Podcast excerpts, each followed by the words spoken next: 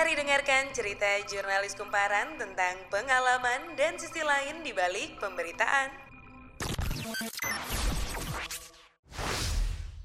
Demonstrasi ribuan mahasiswa dari berbagai kampus di kota Kendari, Sulawesi Tenggara pada Kamis 26 September 2019 memakan korban jiwa. Bagaimana cerita selengkapnya? Saya Atletina sudah terhubung dengan Lukman Budianto, jurnalis kendarinesia.id yang merupakan partner kumparan di Kendari, Sulawesi Tenggara.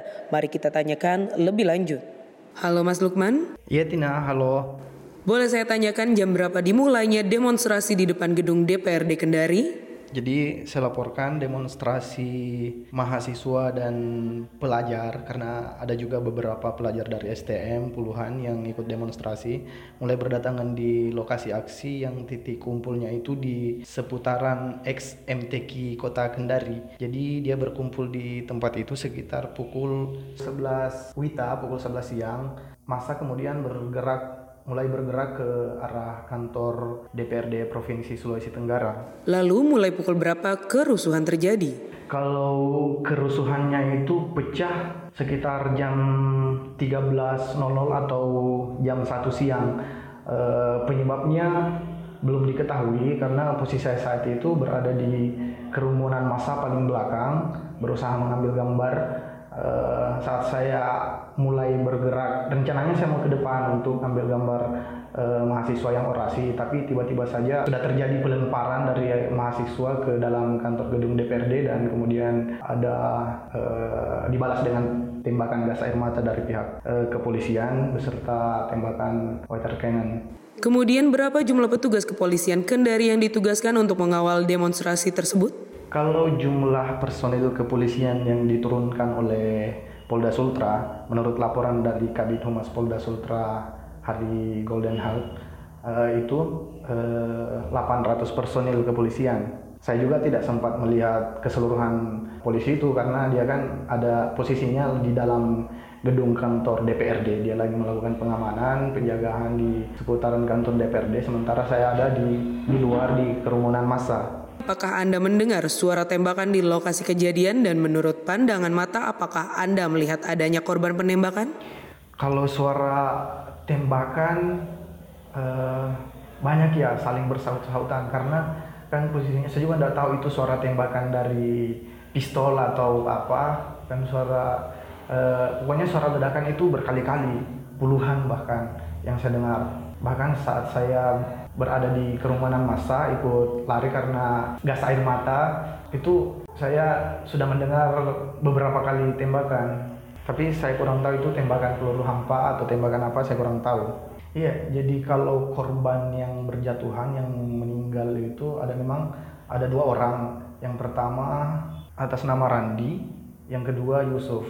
Nah Randi ini kan yang kena tembakan yang kena tembakan di posisinya di depan kantor di Sprindak Provinsi Sulawesi Tenggara. Nah, saya tidak sempat melihat langsung ketika Randi kena tembak karena posisi saat itu sedang berada di dalam seputaran gedung kantor DPRD Provinsi Sulawesi Tenggara karena di tempat itu di dalam di dalam kantor DPRD itu lagi terbakar posisinya saat itu ada delapan unit motor yang terbakar saya mengabadikan gambar di sana kemudian Tiba-tiba saya dapat informasi dari teman di lapangan bahwa ada satu orang mahasiswa yang tertembak. Saya langsung ke lokasi, tepatnya di rumah sakit e, Korem atau dokter Ismoyo, rumah sakit dokter Ismoyo, karena informasi yang saya dapat dia lagi dirawat di sana. Tapi sampai ketika saya masuk itu sempat dicegah oleh pihak keamanan di sana bahwa dilarang untuk mengambil gambar dan lain-lain.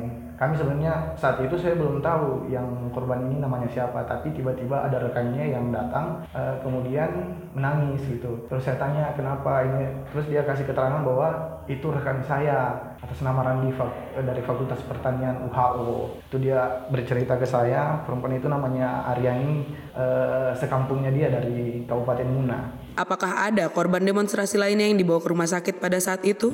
Nah, informasi tentang eh, korban kedua yaitu yang juga meninggal dunia atas nama Yusuf itu saya ketahui setelah eh, berada di Rumah Sakit Dr. Ismuyo. Itu informasi itu saya dapat dari rekan-rekan dari Randi bahwa ada lagi satu rekannya yang kritis di Rumah Sakit Bahtera Mas. Dia dilarikan ke rumah sakit di, di Rumah Sakit Bahtera Mas karena ter, apa kepalanya pecah menurut dokter kena benda tumpul. Si Yusuf ini baru dikabarkan meninggal dunia dunia pada pukul uh, eh, 4 subuh tadi informasinya masuk. Bagaimana reaksi demonstran ketika mendengar suara tembakan? Apakah masa langsung membubarkan diri? Iya, kalau yang saya lihat di depan mata ketika suara tembakan itu terdengar, mahasiswa tidak mundur, dia masih melakukan perlawanan dengan e, pelemparan batu ke arah pihak kepolisian yang tentunya dibalas juga dengan tembakan gas air mata dan e, water cannon suara tembakan yang bertubi-tubi sampai uh, lima kali berturut-turut itu saya dengar langsung ketika uh, kelompok mahasiswa mengejar seorang polisi yang uh, dia dikejar sampai ke taman kota Kendari.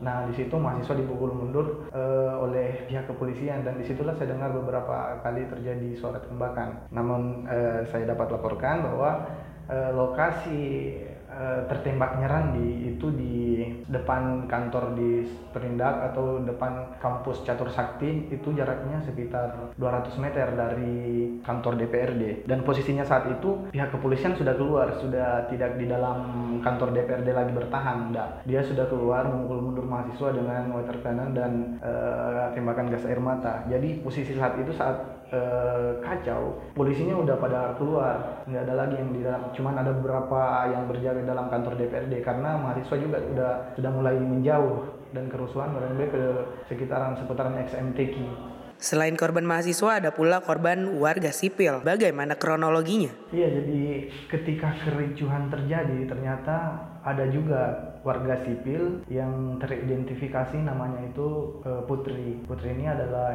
ibu rumah tangga yang sedang hamil 6 bulan anak pertamanya. Itu dia pertama kali melahirkan dari informasi yang saya dapat dari Zainal Arifin dalam hal ini suami dari Ibu Putri. Nah, saat itu menurut cerita Zainal ketika saya ke rumahnya, saat itu Putri lagi baring di dalam rumahnya yang berjarak sekitar 2 km dari lokasi bentrokan. Nah, tiba-tiba terdengar seperti ada benda yang jatuh di atas seng yang dia dengar Zainal. Suara itu hampir bersamaan dengan suara teriakan Putri saat Zainal mencoba mengecek di dalam kamar uh, Putri tidur berbaring. Putri sudah meringis kesakitan saat itu karena dan Zainal melihat kata Zainal dia sudah melihat ada luka di kaki kanannya bagian belakang. Iya dari cerita Zainal katanya saat Putri terkena tembakan beberapa menit setelahnya langsung dilarikan ke rumah sakit Bayangkara Kendari. Nah di sanalah proyektil peluru ini dikeluarkan. Zainal juga sempat bercerita tadi katanya dia sempat melihat peluru itu katanya